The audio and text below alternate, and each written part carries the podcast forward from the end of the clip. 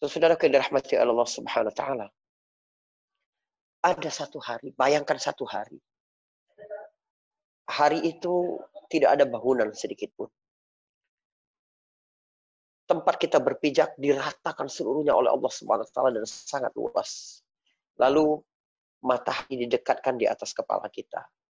Demi Allah hari ini akan nyata. Hari ini akan dijumpai oleh siapa pun. Semua orang akan merasakan teriknya, semua orang akan merasakan ketakutannya, semua orang akan merasakan kegalauannya. Apa yang akan mereka hadapi sebentar lagi? Apa yang telah Allah janjikan kepada mereka semakin dekat terlihat. Orang-orang berada di dalam kecemasan karena belum ada satupun yang dijamin surga kecuali para nabi, para syuhada, para siddiqin, atau orang-orang yang sudah disebutkan melalui lisan Rasulullah SAW. Artinya, kita yang hidup hari ini tidak ada yang telah dijanjikan, dijamin surga 100% itu tidak ada. Maka hari itu akan sangat menakutkan bagi kita semua.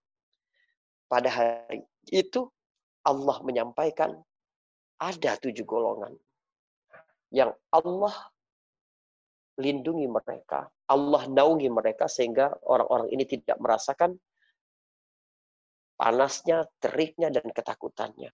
Ini hadis Bukhari dan Muslim dan sangat terkenal ketika Rasulullah SAW bersabda, Sab'atun yudhilluhumullah fi dhillihi yawma la dhilla illa dhilluh.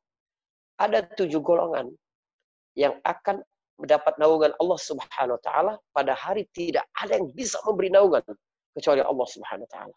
Lalu Nabi menyebutkan satu persatu di antaranya adalah warajulun qalbuhu muta'alliqun fil masajid. Dan seorang yang hatinya terpaut selalu uh, terpaut dengan masjid. Maka ini adalah uh, salah satu kemuliaan yang sangat besar.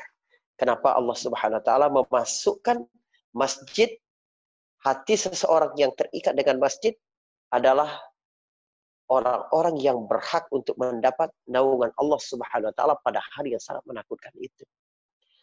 Malam hari ini insya Allah kita akan bersama ayat Al-Quran di surat At-Taubah ayat ke-18. Allah Subhanahu wa taala berfirman, "Innama ya'muru masajidallah man amana billahi wal yawmil akhir wa aqama as-salah wa.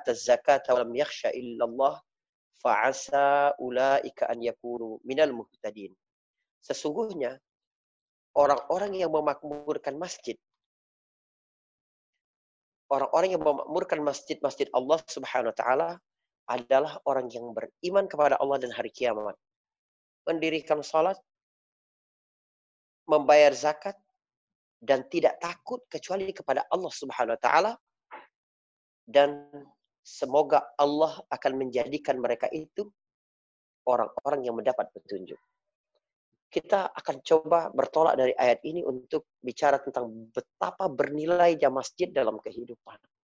Maka pada saat kita tidak bisa untuk sholat ke masjid, untuk melakukan aktivitas-aktivitas ibadah selama ini di masjid, maka ada banyak sekali kerugian-kerugian yang kita luput karena hal itu. Tapi pada saat inilah kita sama-sama dapat merasakan kerinduan di dalam hati kita bahwa nanti jika wabah ini berakhir, jika kehidupan kembali normal, maka berjanjilah untuk memiliki komitmen lebih dekat kepada masjid daripada sebelumnya. Insya Allah, Allah beri kita umur yang penuh berkah, Allah berikan kesehatan sampai wabah ini berakhir dan kita akan lebih bersemangat memakmurkan masjid dibanding yang lain.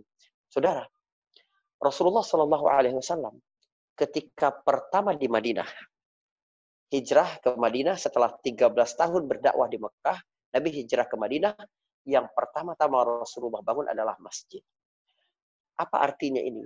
Artinya, sentral segala kehidupan masyarakat muslim itu harus dari masjid. Karena itu Rasulullah melepaskan calon-calon syahid, melepaskan pasukan untuk berjihad di jalan Allah itu dari masjid. Juga Rasulullah SAW menerima utusan-utusan dari luar itu di masjid. Rasulullah SAW bahkan meletakkan tawanan-tawanan itu di masjid agar mereka mendengar ayat-ayat Allah, mendengar peringatan-peringatan, mendengar hadis, mendengar keindahan pesona agama ini. Kenapa? Karena sumber segala kebaikan itu harus bermula di masjid.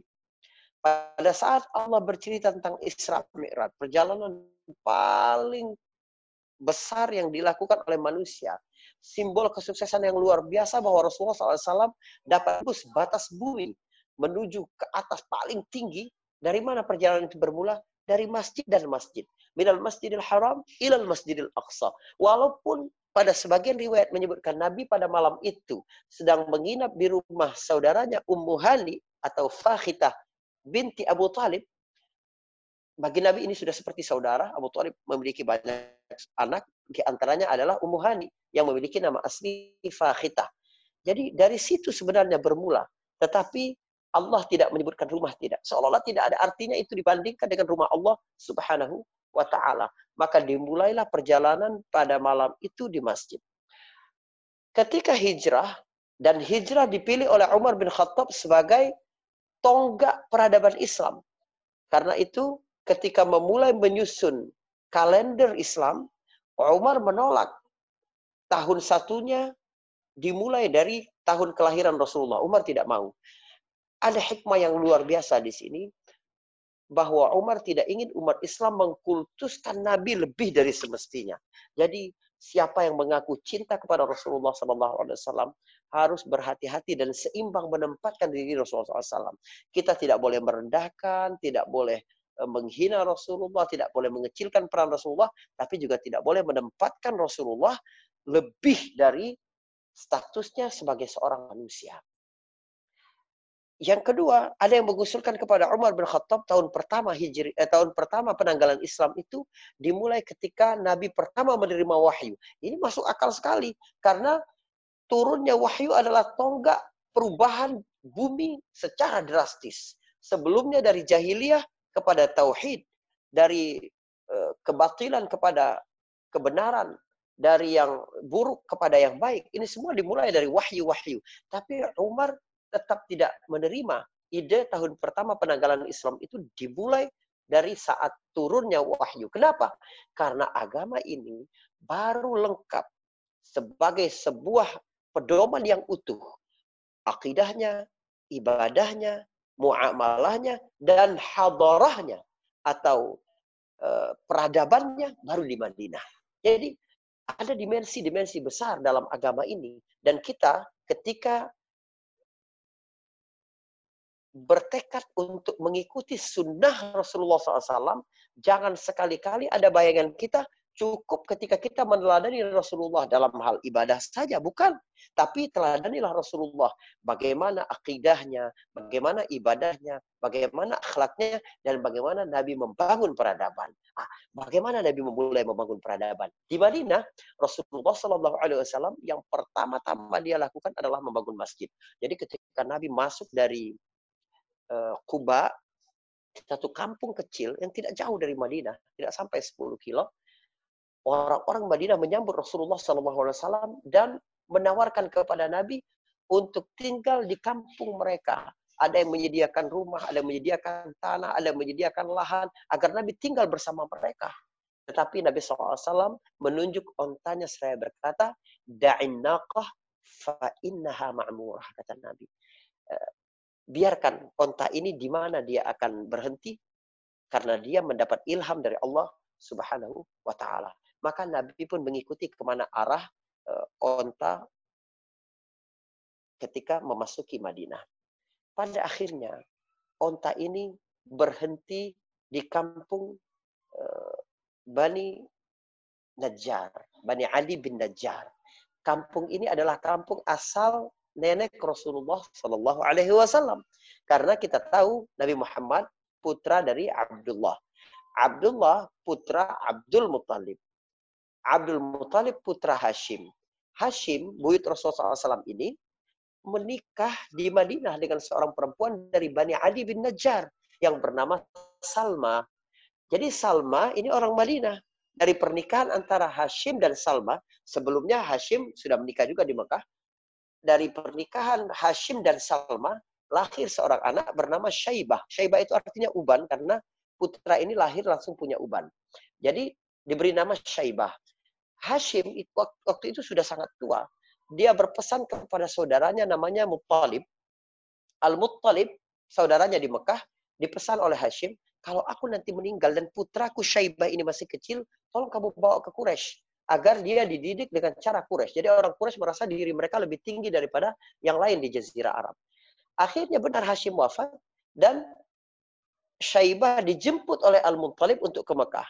Ketika masuk Mekah, Al-Muttalib pada waktu duha orang-orang sedang ramai di pasar Mekah, orang-orang mengira bahwa Syaibah ini adalah hamba sahaya milik Al-Muttalib hamba saya dalam bahasa Arab disebut abd. Jadi orang-orang menyebutnya Abdul Muttalib. Itulah kakek Nabi. Nama aslinya Syaibah. Abdul Muttalib artinya hamba milik Al-Muttalib. Padahal dia bukan hamba, tapi ponakan dari Al-Muttalib. Karena dia putra Hashim. Nah, jadi nenek Nabi itu berasal dari Bani Najjar. Di situlah Allah subhanahu wa ta'ala membuat onta Rasulullah SAW kemudian berhenti sehingga di situlah Nabi memutuskan untuk mulai membangun Madinah. Apa yang pertama-tama dibangun oleh Rasulullah? Yang pertama-tama dibangun oleh Rasulullah adalah masjid. Sesudah yang dirahmati Allah Subhanahu wa taala. Masjid yang dibangun Rasulullah ini punya simbol yang luar biasa. Kita kaum muslimin ketika mendengar cerita ini, kita harus benar-benar dapat mengambil pelajaran yang baik karena kebangkitan sebuah peradaban akan dimulai dari sini. Bagaimana Nabi SAW penuh simbol ketika membangun masjid ini. Apa saja? Pertama, dalam membangun masjid, yang diutamakan bukan fisiknya sama sekali, bukan fisik. Fisik masjid yang pertama dibangun oleh Rasulullah SAW sangat sederhana.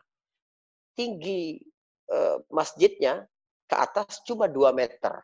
Artinya Eh, agak panas masjid Nabi Shallallahu Alaihi Wasallam ketika pertama-tama dibangun. Yang kedua, luasnya juga sangat sederhana. Nabi membangun pertama-tama masjid itu 30 kali 35 meter. Ya. 30 eh, kali 35 meter.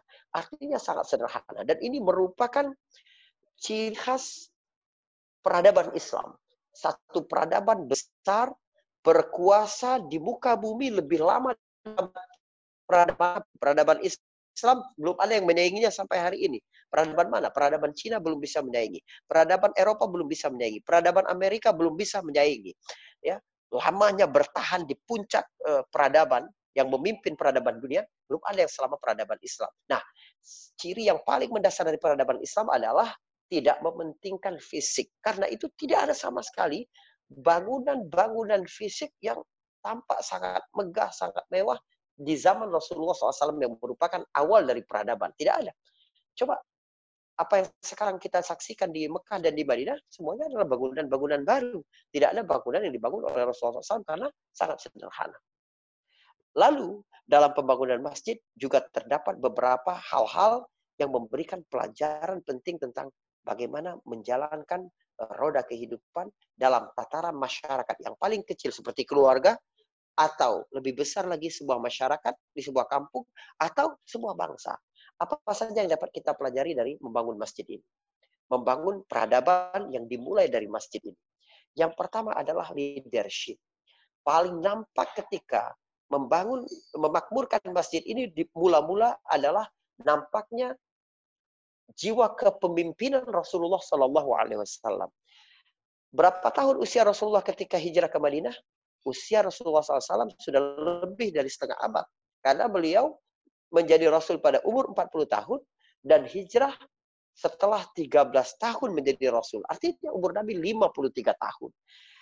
Nabi Shallallahu Alaihi Wasallam ikut membangun masjid bersama para sahabatnya. Ini dalam artian yang sesungguhnya. Artinya Nabi ikut mengangkut tanah, mengangkut tanah liat yang telah diadon untuk menjadi dinding masjid. Rasulullah SAW bersama sahabat-sahabat yang yang masih masih muda. Jadi eh, Rasulullah menunjukkan leadership yang dibangun di atas prinsip egaliter bahwa tidak ada beda antara aku dengan kalian ini tidak ada. Dan ini adalah akhlak Rasulullah yang sangat menonjol. Menunjukkan tawadhu dan menunjukkan dia tidak ingin diistimewakan dibanding yang lain. Mental pejabat dalam diri Nabi itu tidak ada. Waktu Nabi hijrah di kemah umum Ma'bad, Nabi memberi minum kepada yang lain, kepada penunjuk jalannya, kepada Abu Bakar, kepada Amir bin Fuhairah, baru dia minum sendiri. Sehingga membuat Ummu Mahbad tercengang. Kenapa dia minum terakhir? Kata Nabi, eh, pemimpin umat adalah eh, pembantunya, adalah pelayannya. Jadi harus terakhir. Rasulullah mengajarkan bagaimana sebuah manajemen, baik organisasi paling kecil, Bahkan cuma beberapa orang ketika dalam keadaan musafir, ini prinsip-prinsip egaliter, persamaan. Ini di antara uh, bukti kesuksesan kepemimpinan Rasulullah SAW karena dibangun di atas prinsip egaliter ini. Ada satu hadis lagi yang bercerita, para sahabat ketika sedang musafir, ada seorang uh, sahabat yang kemudian ingin menyiapkan makan berkata, aku akan menyembelih uh, domba yang satu berkata, biar aku yang mengulitinya. Yang satu berkata, biar aku yang membersihkannya dan memotong-motongnya. Yang satu berkata, biar aku yang memasaknya. Apa kata Nabi? Biar aku yang mencari kayu bakarnya. Subhanallah. Nabi tidak ingin hanya duduk karena e, dilayani. Tidak. Rasulullah ingin dia sendiri. Ya, Rasulullah dalam berpakaian juga begitu, tidak ada yang istimewa dibanding yang lain. Sampai orang ketika pertama kali melihat Rasulullah Shallallahu Alaihi Wasallam belum kenal dengan Nabi, masuk ke Masjid Nabawi bertanya, Aina Muhammad? Di mana Muhammad? Kenapa? Karena tidak ada beda antara Rasulullah yang lain. Tidak ada jubah khusus, tidak ada permadani khusus. Nabi tidak ingin diistimewakan sama sekali. Ini prinsip leadership di atas uh, semangat egaliter. Ini luar biasa. Sampai-sampai seorang sahabat yang sangat kuat bernama Usama bin Zaid itu protes. Nabi ikut bekerja seperti mereka itu protes. Tidak eh, tidak tega. Karena hormat kepada Rasulullah SAW kenapa Rasulullah harus melakukan hal ini? Kata Usama ya Rasulullah engkau cukup duduk. Biar kami yang bekerja. Kata Nabi setiap orang akan mengambil bagian dari pahalanya. Subhanallah. Artinya apa? Jika engkau memiliki kesempatan untuk dapat membangun masjid walaupun hanya membeli satu ubinnya atau membeli beberapa batu bata atau membeli beberapa uh, bungkus semen, maka jangan pernah sia-siakan itu. Saudara, kalau ada orang sedang membangun rumah Allah, ya, tapi ingat, membangunnya itu bukan di atas dasar kesombongan, bukan. Tapi memang di atas dasar kebutuhan, layak untuk dibangun di situ dan tidak berlebih-lebihan. Karena ini penting. Ibnu Khaldun misalnya ketika menyebutkan tentang eh, apa syarat boleh membangun masjid baru, dia katakan syaratnya adalah suara azan tidak terdengar lagi pada saat belum ada uh, apa belum ada pengeras suara tentunya. Jadi orang-orang dapat mengira-ngira kira-kira jaraknya berapa sehingga orang dapat lebih mudah sampai ke masjid. Satu kampung semakin banyak masjid bukan berarti semakin baik. Justru ini adalah uh, di antara bukti adanya perpecahan. Biasanya begitu. Maka kampung yang baik, satu kampung yang baik, satu komplek yang baik itu tidak boleh berdekatan masjidnya. Kalau berdekatan coba susuri, pasti sejarahnya itu ada konflik di situ. Jadi ada ada ada khilaf di situ. Biasanya seperti itu. Maka masjid memang sejak awal harus dibangun di atas kelayakan memang benar-benar untuk meninggikan kalimat Allah Subhanahu wa taala. Nah, Nabi SAW ikut serta dalam membangun masjid. Sampai Usama bin Zaid sudah melarang Rasulullah dan Rasulullah masih tetap mengangkat tanah liat itu.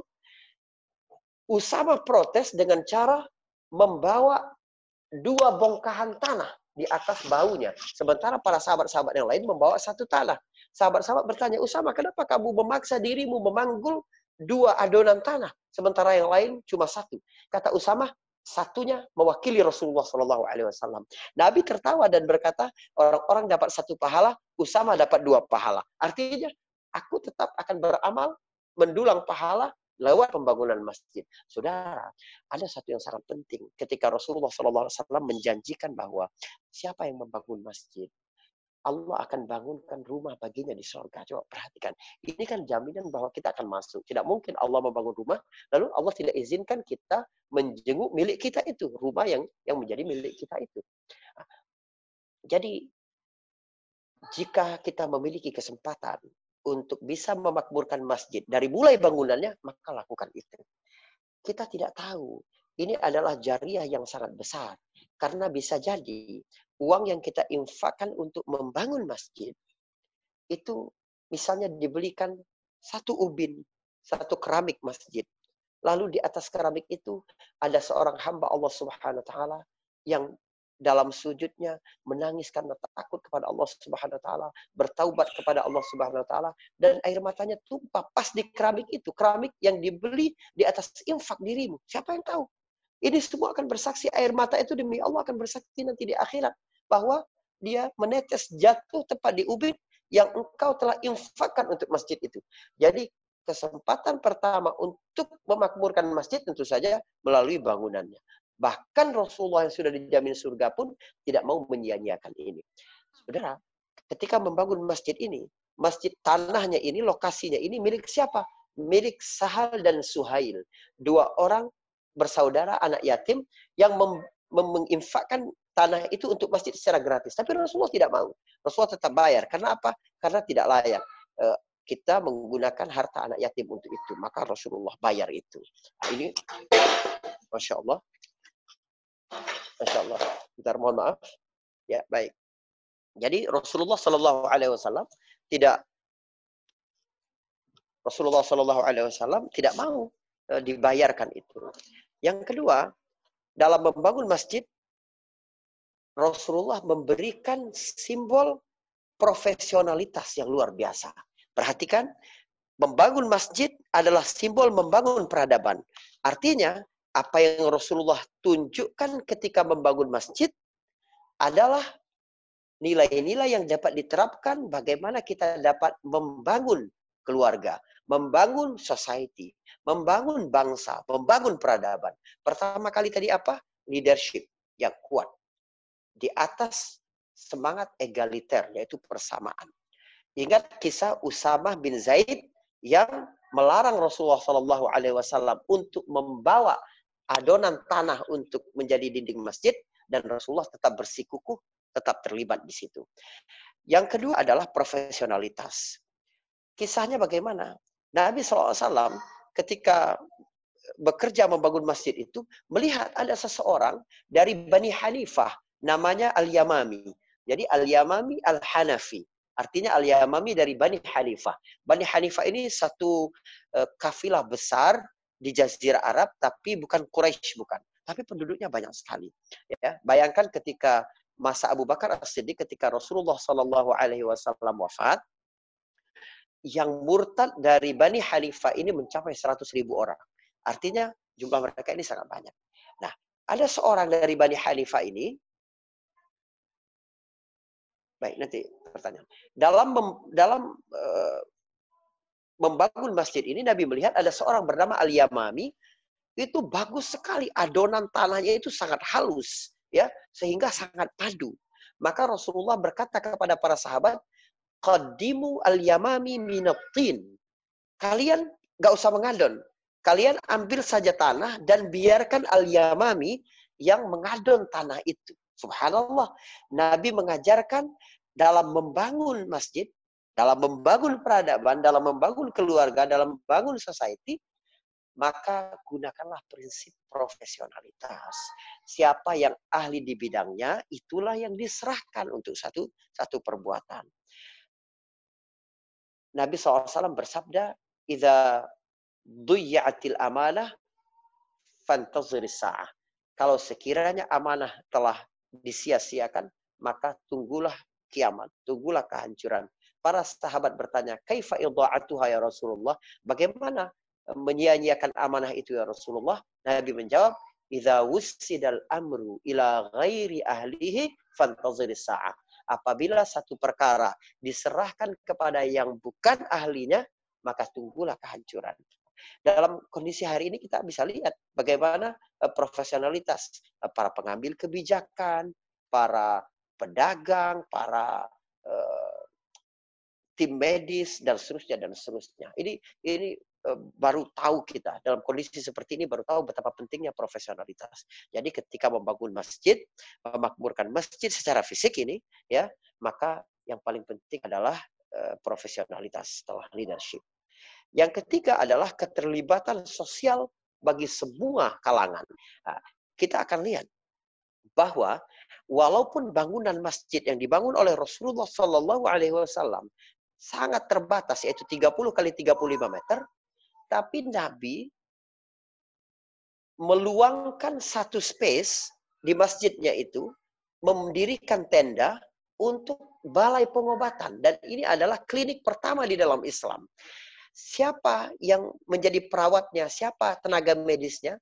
Tenaga medisnya adalah seorang perempuan bernama Sayyidah Rufaidah. Ini sebuah simbol yang luar biasa sekaligus menjadi dalil yang sangat kuat bagi orang-orang yang menuduh Islam mendiskreditkan perempuan. Pertama-tama, hari pertama Nabi di Madinah, Nabi memberikan ruang bagi perempuan di pusat peradaban, yaitu di masjid. Nabi menghargai Eh, kemampuan Siti Rufaidah, Sayyidah Rufaidah, maka di situ didirikan tenda tempat pengobatan. Ini klinik pertama di dalam Islam. Kalau rumah sakit pertama dalam Islam itu di zaman Bani Umayyah, zaman Khalifah Walid bin Abdul Malik tahun 92 atau 93 Hijriah. Eh, saudara, keterlibatan sosial ini penting. Makanya kita harus ajarkan anak kita dari sejak awal ya segala sesuatu yang berkaitan dengan kepentingan orang ramai harus kita libatkan. Jadi kalau sekiranya ada gotong royong di masjid, ada kerja bakti membersihkan masjid atau ada, jangan anda sendiri, ajak anak anda walaupun dia cuma bisa mencabut rumput di situ atau mengambil satu sampah di situ atau uh, apa menyapu beberapa bagian di situ, nggak apa-apa. Itu cara kita bagaimana dia memiliki rasa tanggung jawab sosial yang tinggi. Rasulullah SAW Kenapa dakwahnya mudah diterima oleh orang-orang? Selain akhlaknya, juga rasa tanggung jawab sosial Nabi sangat tinggi. Misalnya, Nabi terlibat dalam perang Fijar di Quraisy ketika umurnya baru berapa belas tahun.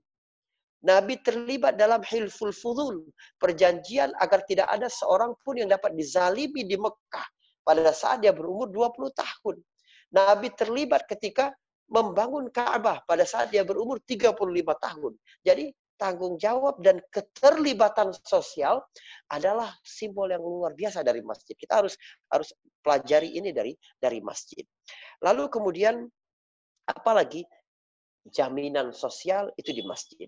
Jadi Nabi juga membangun ada satu tempat di belakang Raudhah itu lantainya agak tinggi tempat sahabat-sahabat yang tidak mampu, yang kurang mampu. Mereka ini disebut ahlus sufa. Ahlus sufa ini berarti orang-orang yang uh, pakaiannya pakai wool yang kasar. Sufa ini wool dari dari domba. Kenapa? Karena mereka tidak mampu dan uh, makan mereka, kebutuhan sehari-hari mereka ditanggung oleh negara. Nah, bahwa masjid jauh lebih besar daripada yang yang kita kira. Nah, maka atas hal ini para ulama memberi garis bawah bahwa memakmurkan masjid berbeda dengan membangun masjid. Kenapa? Karena bukan cuma tentang bangunannya, tapi tentang fungsinya. Sekarang, walaupun kita tidak bisa melaksanakan sholat berjamaah di masjid, maka masih banyak fungsi-fungsi masjid yang tetap bisa kita optimalkan. Di antaranya apa? Ah, membangun masjid ini ada dua. Memakmurkan masjid ini ada dua. Yang pertama sifatnya fisik. Yang kedua adalah sifatnya maknawi. Secara uh, simbolik. Apa itu? Kemajuan eh, majelis-majelis ilmu di situ, kemudian kontrol sosial di situ, kemudian ukhuwah direkatkan di situ, kemudian sinergi umat di situ, kemudian pusat-pusat pelatihan di situ, Nabi latihan perang di situ, Nabi majelis-majelisnya di situ, banyak sekali fungsi-fungsi masjid. Ah, maka apa yang tidak bisa kita lakukan ibadah untuk hari ini tetap dapat kita lakukan untuk memakmurkan masjid beberapa waktu kemudian. Misalnya apa? Misalnya masjid menjadi pusat ilmu pengetahuan. Karena Nabi, madrasah Nabi SAW di Madinah itu ya di masjidnya. Dia mengajar para sahabat yang kemudian menjadi ulama itu di masjidnya. Artinya kalau hari ini kita menopang, ya kita menopang uh, atau membantu para santri misalnya, di pesantren-pesantren karena banyak sekali ternyata pesantren-pesantren di Indonesia ini yang sangat memprihatinkan eh, makan-makan santrinya, kemudian bangunan-bangunannya, Anda termasuk memakmurkan masjid. Walaupun bentuknya investasi. Kan dalam bisnis itu ada yang sifatnya transaksional, Anda memberi langsung dapat barang, ada yang investasi, Anda beri sekarang, tapi nanti di muka memang tidak langsung tapi biasanya investasi ini lebih berkelanjutan dan keuntungannya lebih besar. Maka dalam memakmurkan masjid jangan selalu berpikir transaksional. Apa yang bisa Anda lakukan hari ini cuma itu bukan. Di dalam Islam harus kreatif dalam beramal. Ketika Nabi SAW berkata, kullu ma'arufin sadaqah. Setiap kebaikan adalah sadaqah. Setiap takbir adalah sadaqah. Setiap tasbih adalah sadaqah. Setiap tahlil, ucapan la ilaha illallah adalah sadaqah.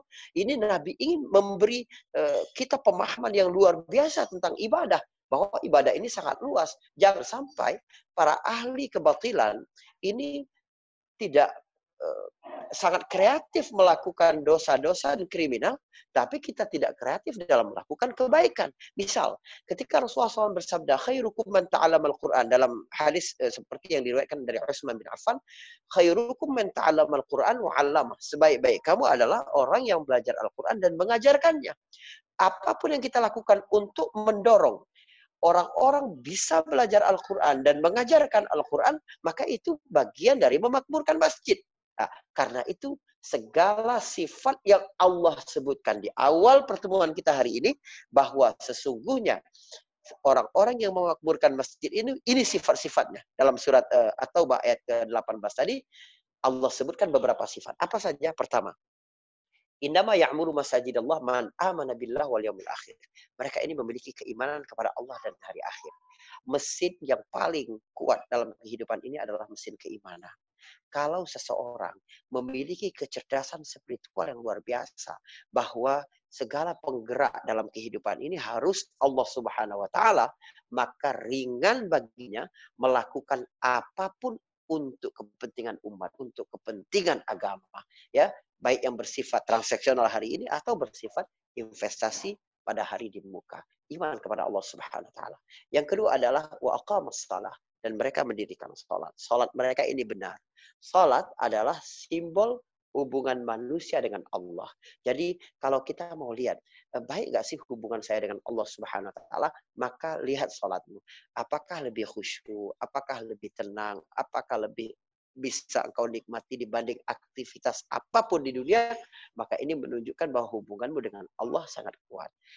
Yang ketiga adalah dan membayar zakat peka terhadap kehidupan sosial dalam kondisi seperti sekarang ini ya. Saudara yang dirahmati Allah Subhanahu wa taala. Virus corona COVID-19 ini yang paling banyak terpapar adalah kelas menengah terus terang saja kelas menengah. Kenapa? Karena penyebarannya ini setidaknya dari orang-orang yang berinteraksi dengan kelas-kelas atas atau orang-orang yang biasa keluar negeri atau berhubungan dengan orang-orang yang di luar negeri. Adapun masyarakat bawah, kelas-kelas menengah ke bawah, ini tidak tidak begitu. Coba lihat saja kasus-kasus positif COVID-19. Itu banyak kelas menengah semua. Dari awal coba lihat kelas menengah semua.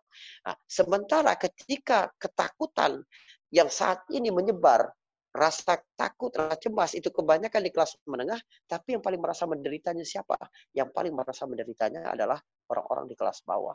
Maka kita harus lebih jeli pada hal itu. Nabi Shallallahu Alaihi Wasallam eh, menjadi pengingatnya, menjadi pengontrolnya siapa yang sakit, siapa yang berhalangan, siapa yang ya tidak bisa hadir itu dari masjid semuanya. Maka siogianya setiap tempat itu saling mengenal anggota jamaah masjidnya. Sehingga tahu kalau ada yang sakit, ada yang butuh bantuan, dan seterusnya, dan seterusnya. Lalu apalagi beriman kepada Allah dan hari akhirat, mendirikan sholat, membayar zakat, walam yakhsha illallah. Dan dia tidak takut kecuali kepada Allah subhanahu wa ta'ala. Takut yang menjadi mesin penggerak keimanan. Jadi sekarang begini, kita pernah bicara tentang rasa takut. Ketika sekarang wabah ini menyebar ke mana-mana, tentu kita lebih paham bagaimana sih rasa takut itu dan bagaimana rasa takut itu bekerja membuat kita lebih protektif kepada anak-anak kita, lebih protektif kepada diri kita, lebih protektif kepada uh, bisnis kita. Kenapa orang-orang uh, memborong sembako, kenapa orang-orang ya membeli bahan-bahan pokok lebih banyak lebih dari semestinya, kenapa membeli masker lebih dari harusnya padahal dia tidak butuh ya dan seterusnya dan seterusnya. Ini karena mesin takut bekerja. Jadi mesin takut ini ada hikmahnya. Kenapa Allah Subhanahu Wa Taala memberikan rasa takut dalam diri manusia? Ah, bagaimana rasa takut ini bekerja? Nabi SAW ketika ditanya apa itu dosa, apa apa jawab Nabi? Mahaka fi sadrika wa karihta an yattali alaihin nas. Dosa itu indikasinya dua. Yang pertama adalah berdetak di hatimu. Jadi ada penolakan di dalam hati dari sejak detik pertama. Jadi berdetak di dalam hatimu. Yang kedua adalah engkau takut orang lain tahu. Jadi kalau dari hati kita pertama, boleh nggak ya melakukan itu? Lalu Anda kepikiran bahwa ada rasa tidak tidak tenang, maka ketahuilah bahwa itu adalah semacam early warning system atau sistem pengingat dini seperti untuk tsunami ya itu yang terjadi pada pada dosa.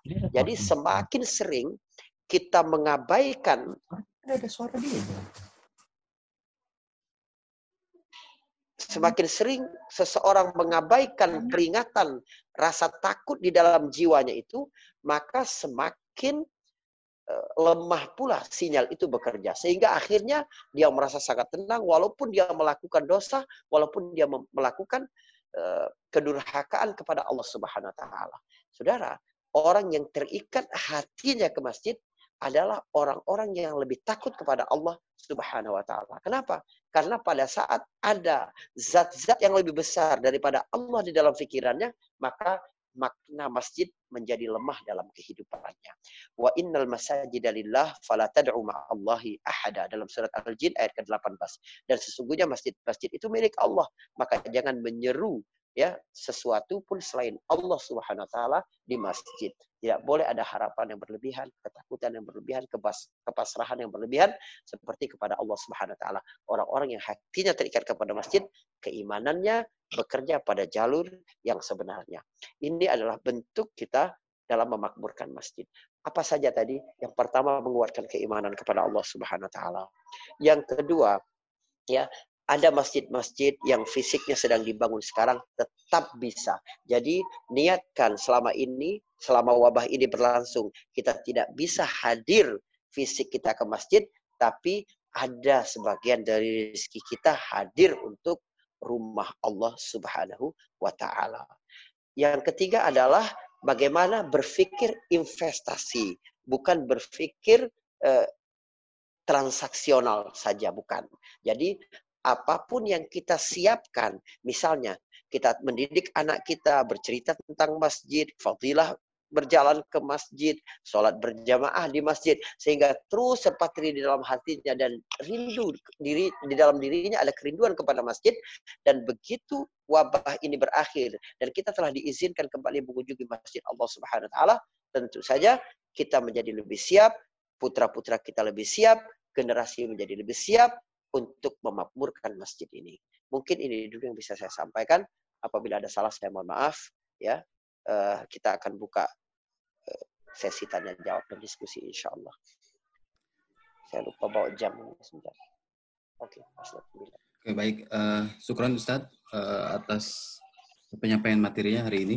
Sudah ada beberapa pertanyaan dari jamaah. Ada pertanyaan yang sebetulnya sama dengan pertanyaan kemarin, Ustadz Uh, tapi Afal mungkin ada salah satu jamaah yang ketinggalan, tapi sepertinya pertanyaan yang perlu juga karena terkait tentang lebih untuk ikhwan yang lebih uh, yang tidak hadir sholat Jumat selama tiga, tiga minggu berturut-turut itu Afan minta dijelaskan kembali mungkin saat ini sepertinya ketinggalan di kajian sebelumnya saat. Baik, baik. Uh, Tadi malam saya sudah jelaskan bagaimana amal-amal kebaikan yang biasa dilakukan oleh seseorang pada masa normal tidak ada halangan.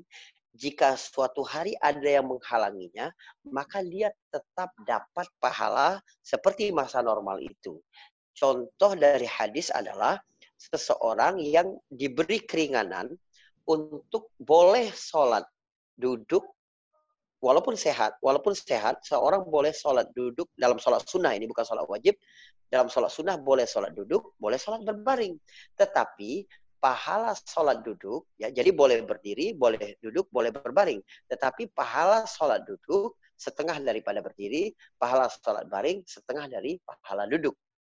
Kalau seseorang selama sehatnya selalu sholat dengan berdiri, ketika dia sakit tidak mampu berdiri, dia cuma bisa sholat duduk, maka pahalanya tetap dicatat Allah seperti dia berdiri. Tetapi kalau orang dari saat sehatnya memang sudah terbiasa sholat sunnah, kadang duduk, kadang berdiri, waktu dia sakit cuma bisa duduk, dia sholat duduk, maka tetap dihitung sebagai setengah pahalanya. Kenapa? Karena dia pada masa sehat pun dia sering melakukan sholat sunnah e, dalam keadaan duduk. Nah, begitu juga sholat Jumat. Seseorang yang tidak pernah meninggalkan sholat Jumat, jadi kalau ada seseorang yang selalu datang setiap Jumatnya di awal sebelum khotib datang di soft pertama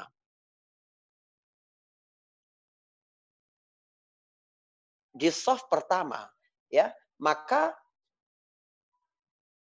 pahalanya walaupun sekarang dia tidak bisa sholat Jumat, dia tetap dapat pahala seperti kebiasaannya. Jadi kalau Anda pada masa normal memang terbiasa datang khotib sudah di mimbar di soft paling akhir, pahala Anda juga akan seperti itu. Karena akan berdasarkan kebiasaan pada masa normal. Makanya, pada saat Allah subhanahu wa ta'ala berikan kekuatan, kesehatan, keadaan yang sangat normal, yang sangat prima untuk melakukan ketaatan, lakukan ketaatan dalam uh, kondisi yang paling fit. Sehingga ketika ada halangan seperti sekarang, kita akan tetap dapat pahala yang optimal pula. Jadi insya Allah tetap dihitung pahalanya dan tidak dihitung sebagai bentuk kemunafikan. Walaupun kita tidak Jumat di masjid tiga kali atau lebih. Wallahu a'lam bishawab. Baik, uh, Ustadz, kita ke pertanyaan berikutnya. Baik. Hmm, baik, ini yang agak panjang, Ustadz. Ada dua pertanyaan dalam dari satu jamaah. Assalamualaikum, Ustadz. Bagaimana pendapat Ustadz tentang orang yang memaksimalkan sholat di Masjidil Haram atau Masjidil Nabawi karena mereka mengharapkan kepastian. Jadi mereka fokus terhadap mengharapkan kepastian pahala ratusan ribu kali lipat Ustaz. Itu pertanyaan pertama. Fadil Ustaz. Baik, baik. Uh, pertama begini, hadisnya sahih bahwa Nabi memberi keterangan satu kali sholat di Masjid Haram Mekah itu seperti 100 ribu kali sholat di luar Masjidil Haram. Sholat di Masjid Nabawi sekali sama seperti seribu sholat di masjid selain Masjid Nabawi. Apakah ini berarti semua sholat itu lebih utama dilakukan di masjid? Tidak juga. Hadis Nabi ini memang umum. Tapi ada keterangan-keterangan lain yang berlaku sebaliknya. Misalnya, Nabi memberi keterangan bahwa seafdal-afdal sholat itu dilakukan di rumah, kecuali sholat wajib. Maka Nabi dan para sahabat dari dulu terbiasa melakukan sholat sunnah di rumah. Baik qobliyah atau ba'liyah atau sholat tahajud dan sholat-sholat sunnah lainnya. Maka walaupun sholat wajib lebih afdol dilakukan di Masjidil Haram seperti 100 ribu kali, tapi untuk sholat sunnah di rumah tetap lebih afdol. Nah, kemudian ada lagi pahala yang lain misalnya. Nabi SAW pernah memberitahu kita, ya arti hadisnya begini. Aku keluar sesaat untuk memenuhi kebutuhan, membantu kebutuhan seorang saudaraku lebih aku sukai daripada sholat di masjidku ini satu bulan, kata Nabi. Bayangkan, kalau satu bulan 30 hari kali lima, itu sudah 150 sholat. Eh, atau 1000. lima kali, ya 150 kali sholat fardu. Nah, kali 1000, ya berarti 150 ribu kali sholat. Tapi membantu orang yang berada dalam kesulitan lebih utama. Jadi daripada sering-sering umrah, lebih baik kita lihat siapa yang paling berhak untuk menerima infak kita dari dari keluarga kita. Karena memenuhi kebutuhan seorang saudara muslim jauh lebih utama daripada uh, iktikaf di Masjid Nabawi satu bulan. Padahal pahala iktikaf itu dihitung kalau dia dalam keadaan berwudu seolah-olah dia sholat selama dia iktikaf. Jadi besar sekali pahalanya. Tetapi Nabi berkata bahwa memenuhi kebutuhan seorang muslim itu lebih utama lagi. Jadi dalam beribadah kita harus cerdas dan uh, mengambil referensi secara uh, menyeluruh. Tidak boleh tambal sulam, tidak boleh snapshot hanya pada satu dalil. Wallahu a'lam Baik, uh, syukur Ustaz. Saya agak random pertanyaan jamaah Ustaz. Uh, ada beberapa yang menarik ya. terkait dengan situasi saat ini Ustaz. Apa mungkin perlu dijelaskan lagi Ustaz? Assalamualaikum Ustaz Haris. Uh, ini pertanyaan ini memang masih banyak uh, pertentangan Ustaz tentang antara antara antar jamaah. Bagaimana kita menyikapi fatwa MUI terkait sholat berjamaah dan Jumat yang dilakukan di rumah masing-masing? Karena sholat berjamaah itu kan salah satu bentuk masjid. Bagaimana kedengaran Ustaz? Itu saya ulangi. Ya, baik, baik, baik. Uh, bagaimana kita menyikapi fatwa MUI terkait sholat berjamaah dan Jumat yang dilakukan di rumah masing-masing? Uh, padahal itu juga terkait dengan bentuk memakmurkan masjid. Fadal, Baik, baik, baik. Uh, kalangan yang protes akan hal ini, saya lihat beberapa persoalan pada diri mereka. Pertama, kurangnya ilmu pengetahuan. Di antaranya adalah ilmu tentang akidah. Bahwa menempatkan tawakal itu harus secara benar. Jadi, harus, sebagaimana yang kita sampaikan pada pertemuan yang lalu, tawakal harus tetap optimal menjalankan hukum sebab akibat yang berkaitan dengan natural. Bagaimana virus ini berkembang, bagaimana nah itu. Kemudian tentang bagaimana menempatkan kaidah usul fikih di dalam kehidupan. Bahwa menghindari bahaya harus lebih diutamakan daripada mendatangkan kemaslahatan. Beragama ini tidak cukup hanya semangat saja tidak cukup. Harus berdasarkan ilmu. Ya, coba lihat ini teman-teman kita yang Eh, menjadi penyebab banyak sekali penyebaran virus COVID-19 di Malaysia. Itu karena tanpa ilmu, hanya berdasarkan uh, semangat saja. Ini nggak boleh. Begitu juga yang masih ngotot melakukan sholat jamaah, tapi kemudian menjadi uh, awal dari uh, apa namanya penyebaran virus corona COVID-19 ini.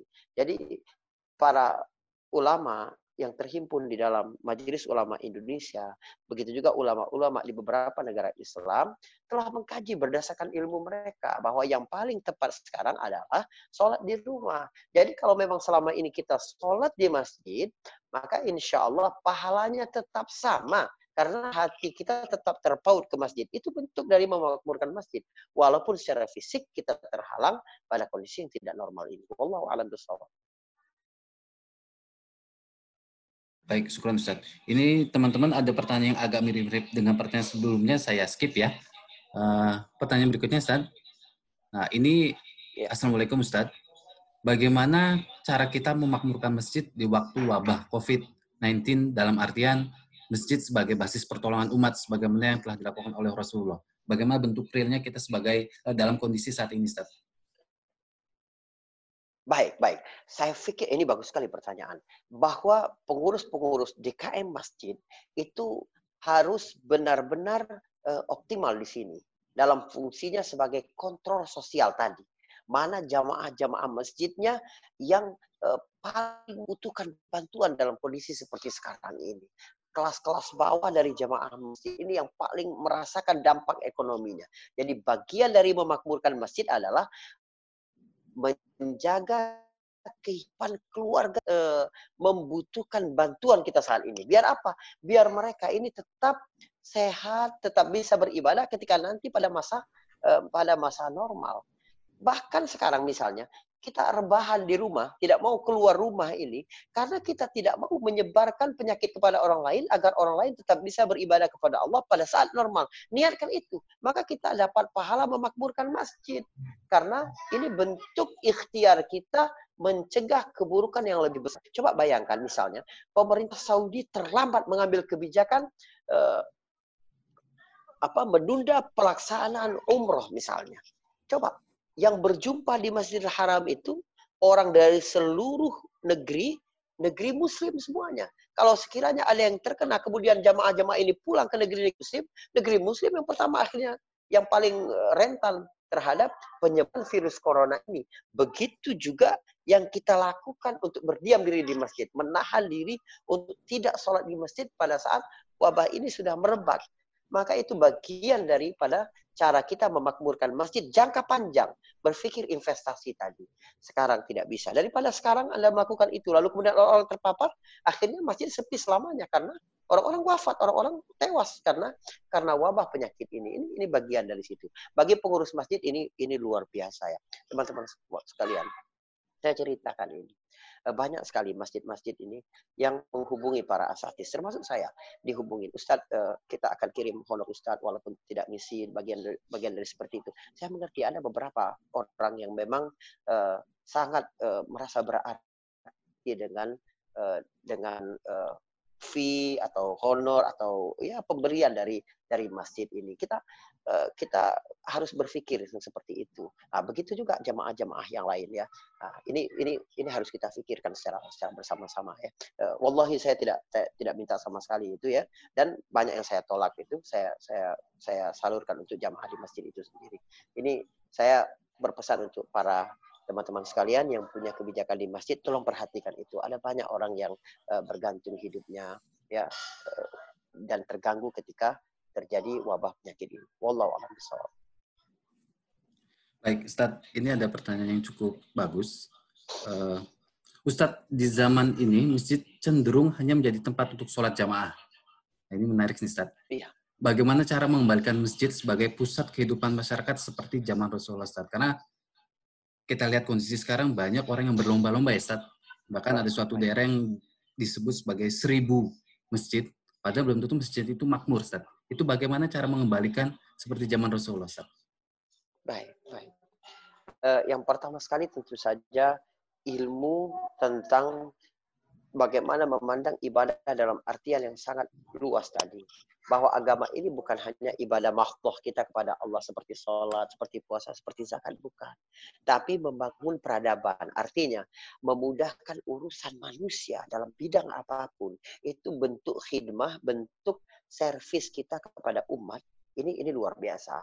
Kemudian menjadikan masjid sebagai tempat konsultasi, tempat uh, ajang amar ma'ruf nahi mungkar. Ini luar biasa. Kita ini ya uh, jika masjid ini dibangun karena uang wakaf, infak para jamaah, pengurus masjid ini dapat amanah yang sangat besar.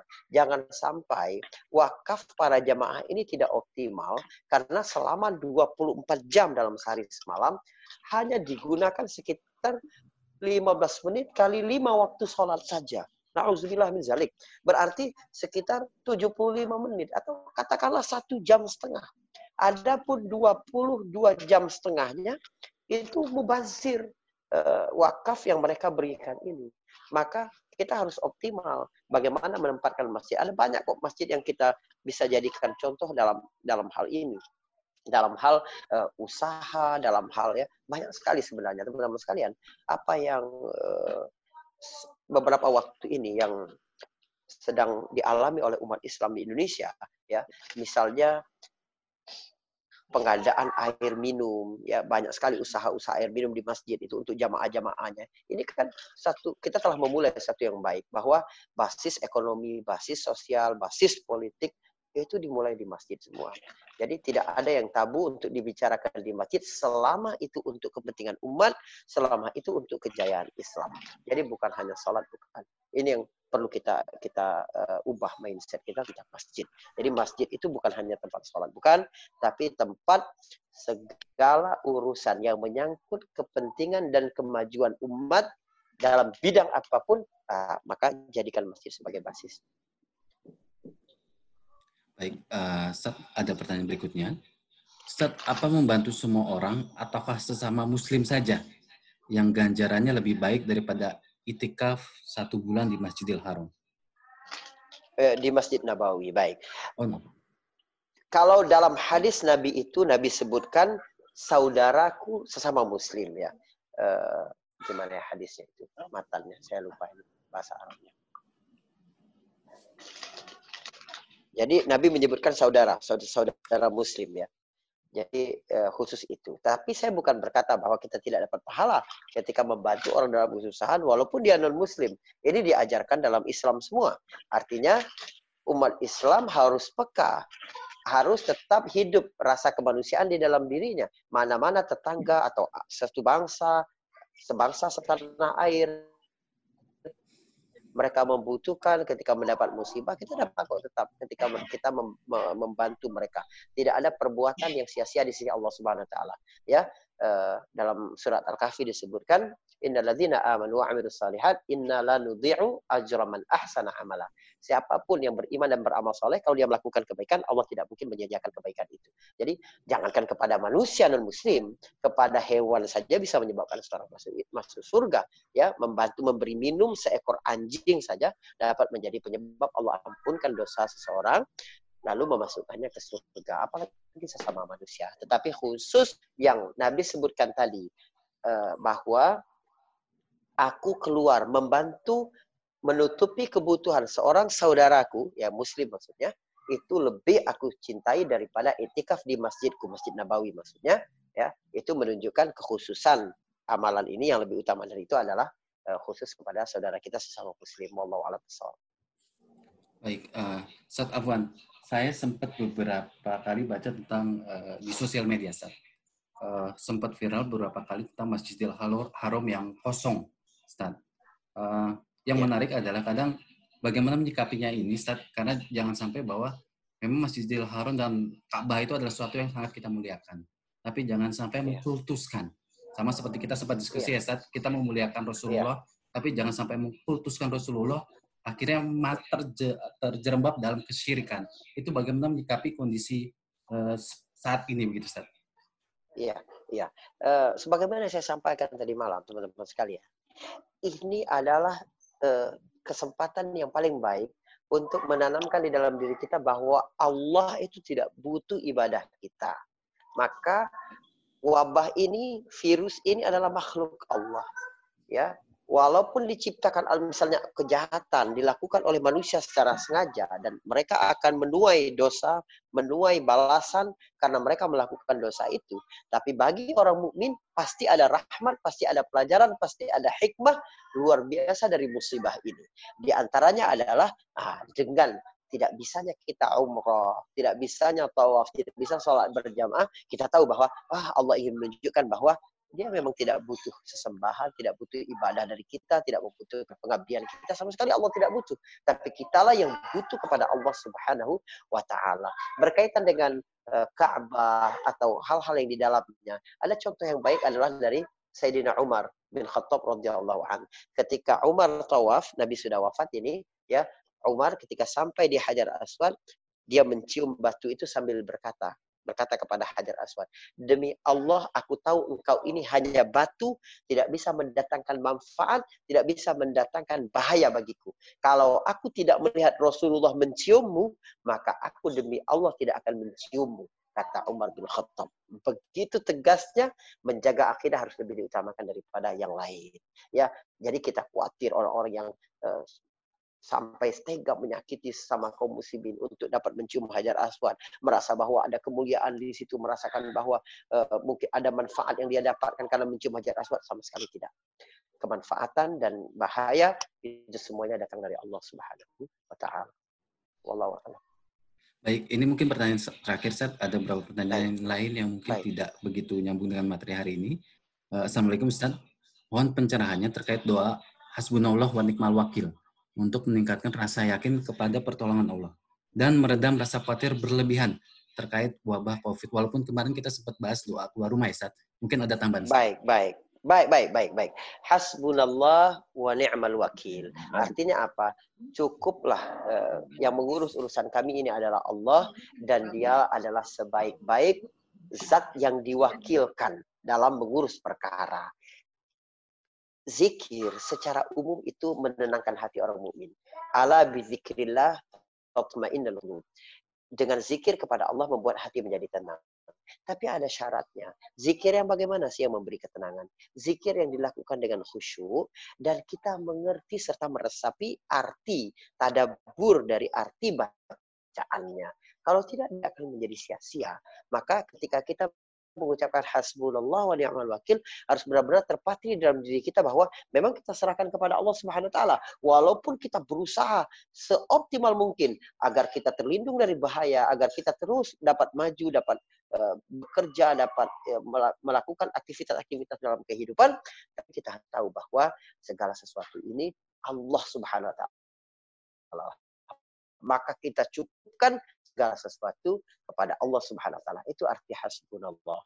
Ya, ni'mal wakil dan Allah adalah sebaik-baik orang yang diwakilkan, zat yang diwakilkan ya. Saya pernah berikan contoh, ada orang yang sangat kaya, seorang bisnismen yang tidak mungkin dapat mengurus masalah-masalah legal, masalah-masalah hukum dan usahanya, lalu dia tunjuk seorang pengacara yang sangat terkenal, yang semua orang tahu apa kalau berperkara dengannya pasti dia akan menang, maka akhirnya dia dia serahkan sepenuhnya kepada dia. Pokoknya apa pun yang masalah hukum berkaitan dengan uh, perusahaanku, dengan usahaku, aku serahkan kepada engkau. Dia menjadi tenang. Kenapa? Karena dia telah serahkan kepada ahlinya. Ah, apa yang lebih tenang daripada kita menyerahkan kepada Allah Subhanahu wa taala. Baik. Ustaz, uh, insya Allah kita cukupkan, Ustaz. Uh, teman-teman, apabila masih ada pertanyaan, uh, nanti bisa WhatsApp ke, uh, ke nomor yang tadi kita share di grup chat ya, teman-teman. Dan Insya Allah ya, besok kita ketemu lagi di jam yang sama. Kita bahas tentang